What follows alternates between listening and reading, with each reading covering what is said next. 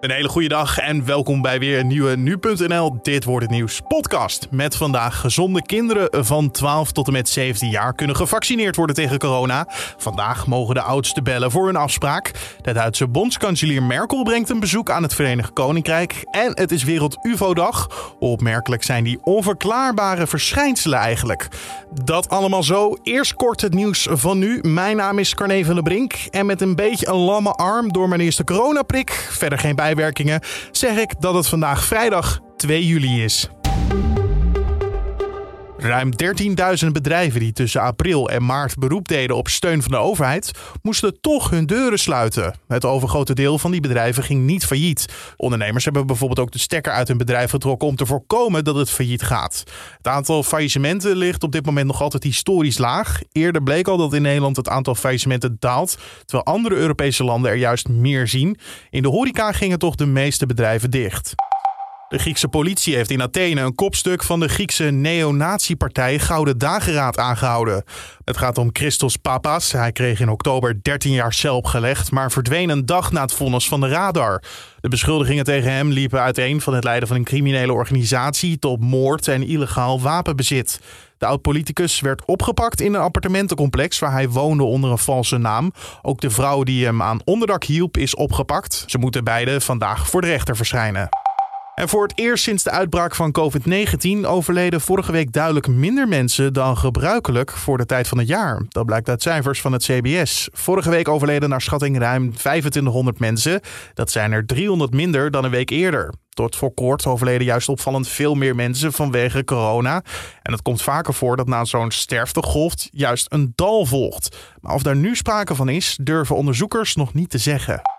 En het was gisteravond ook weer dansen met Jansen in de jaarbeurs. Het was de derde priknacht die werd georganiseerd. Er werden 2500 Jansen prikken gezet en vooral jongeren kwamen er eentje halen. Zo hoor je bij RTV Utrecht. Ja, ik ga een paar keer op vakantie en ik wou daarvoor gewoon heel graag deze prikken, zodat ik niet eten hoef te testen. Ja, en dat doen ze dan op eh, muziek van een DJ en in het licht van discolampen tot 1 uur in de nacht. Volgende week donderdag wordt er weer zo'n nacht gehouden. En dan over naar de dag van vandaag. Wat gaat het ons brengen? Oftewel, dit wordt het nieuws. Na een positief advies van de Gezondheidsraad is ook het kabinet om. Kinderen van 12 tot 17 jaar mogen gevaccineerd worden tegen het coronavirus. We praten hierover door met kinderarts en OMT-lid Karoy Illy. En vroegen nu de kogel door de kerk is of het positief nieuws is. Als u mij deze vraag twee weken geleden had gesteld, dan was ik nog enigszins terughoudend geweest. Maar we hebben inmiddels zoveel meer informatie over de impact van het vaccineren van gezonde tieners op, uh, op de R-waarde, maar ook over de, het belang van het vaccineren van tieners, ook in relatie tot de potentiële bijwerkingen. Dat het inderdaad goed nieuws is dat nu ook gezonde tieners kunnen worden uh, gevaccineerd. Maar waarom heeft het toch zo lang geduurd voordat dit besluit gemaakt kon worden? Nou, het heeft langer geduurd, uh, vooral omdat tot uh, vrij recent niet heel erg 100% duidelijk was of het ook echt nodig was. Of het ook echt nodig was voor, voor die beroemde R-waarde. om ook gezonde tieners te gaan vaccineren.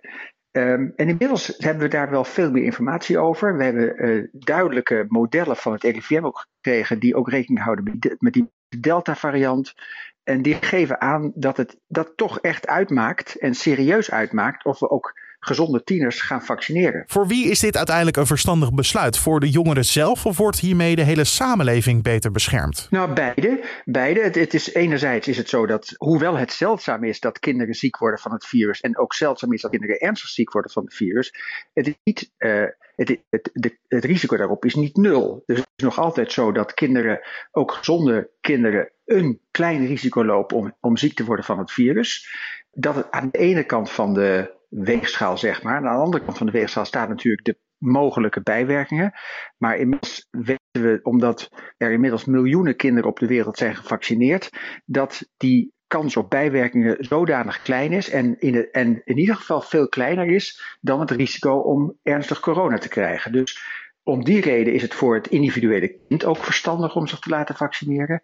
En daarnaast is het inderdaad zo dat het ook verstandig is voor de maatschappij omdat we hierdoor in ieder geval meer kans hebben om het virus onder de duim te krijgen en te houden. En natuurlijk ook uiteindelijk voor de kinderen zelf, omdat hiermee het risico op toch weer schoolsluitingen of kinderen die in quarantaine moeten, klassen die naar huis worden gestuurd.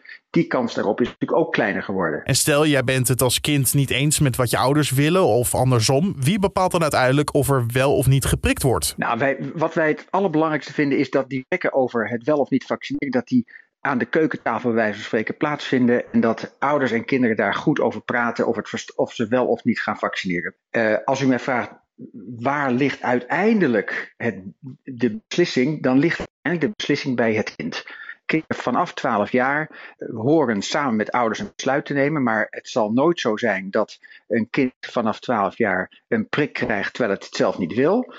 En daarnaast is het zo dat als een kind beargumenteerd aangeeft dat het wel geprikt wil worden en ouders willen dat om welke reden ook niet, dan geldt ook de mening van het kind. Dus in feite zal gelden dat, uh, dat het kind het uiteindelijk bepaalt. Hoewel wij het ontzettend belangrijk vinden dat dat gesprek gewoon plaatsvindt uh, tussen ouders en kind. De oudsten mogen als eerst, dat betekent het geboortejaar 2004. En vanaf tiener mogen zij bellen voor een afspraak. Je hoorde kinderarts en OMT-lid Cairo Illy.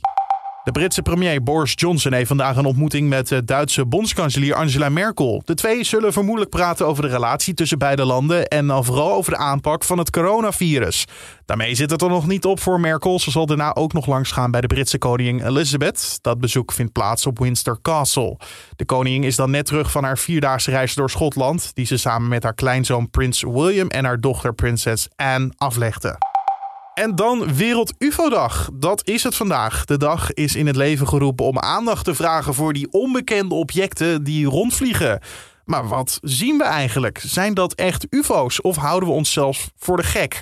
Collega Julien Dom dook in het onbekende en belde hierover met godsdienstfilosoof Terre Smedes, mede verbonden aan het UFO-meldpunt Nederland. Ja, het is een UFO in zoverre dat mensen een ongeïdentificeerd vliegend object zien. Um, ze zien iets vliegen, weten niet wat het is. Ja, en dan is het per definitie een UFO.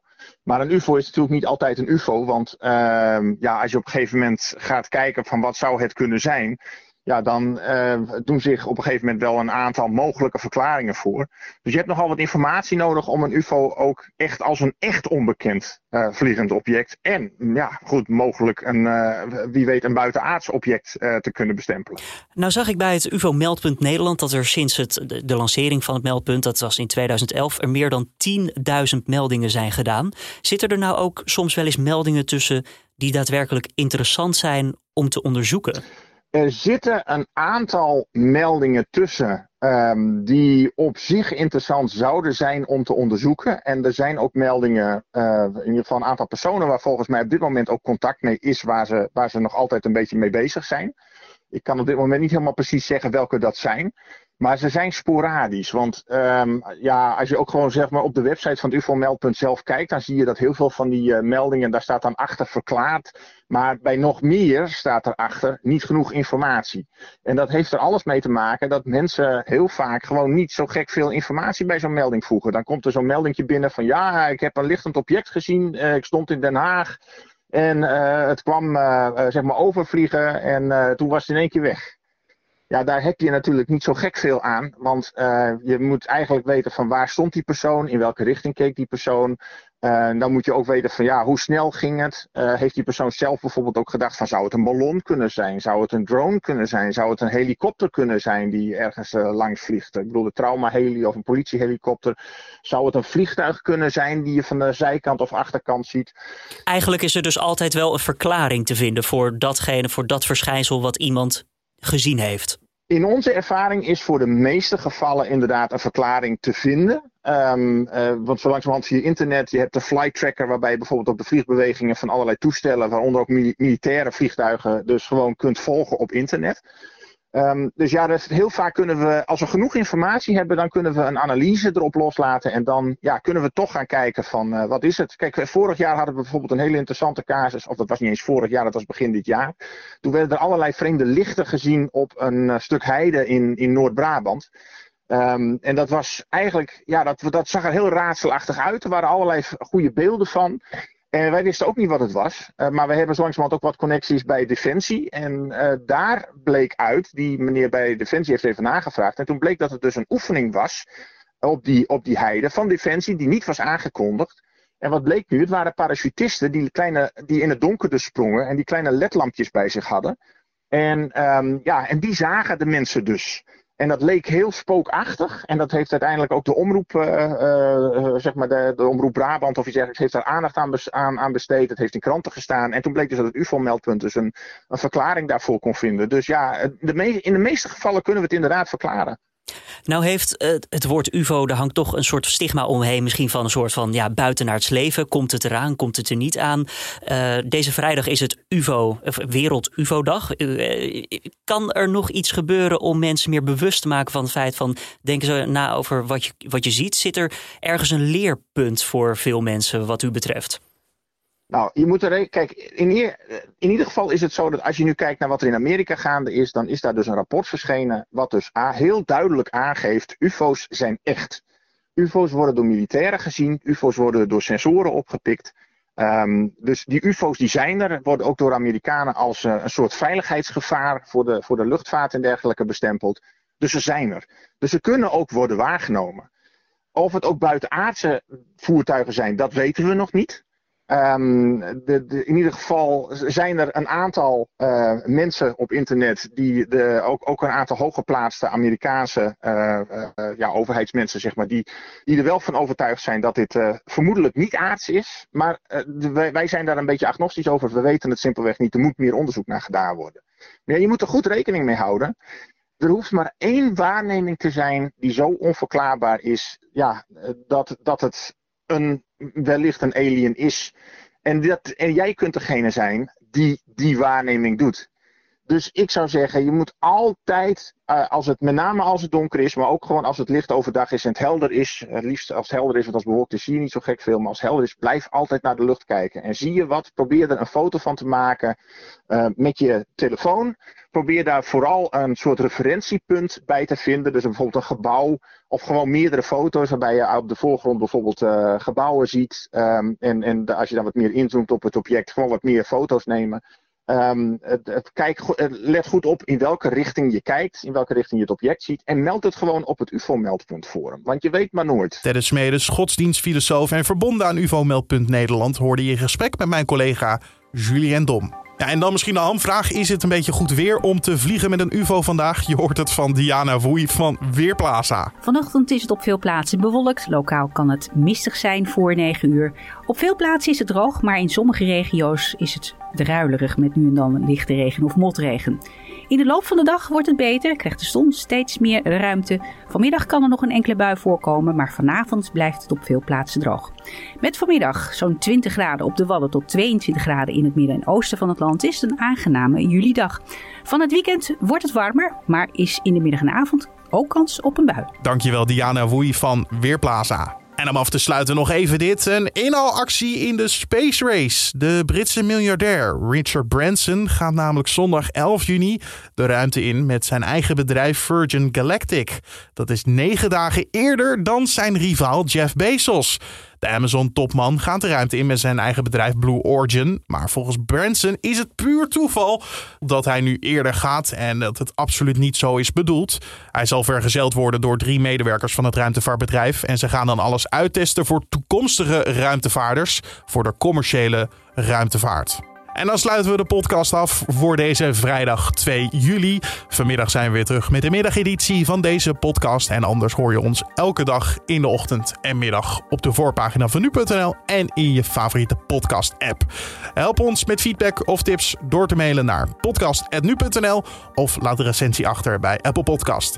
De komende twee weken hoor je mij even niet. Ik ben namelijk op vakantie, maar de podcast zal er elke dag gewoon staan. Mijn naam is Carne van der Brink. Maak er een mooie dag van en ook gelijk een mooi weekend. Tot snel!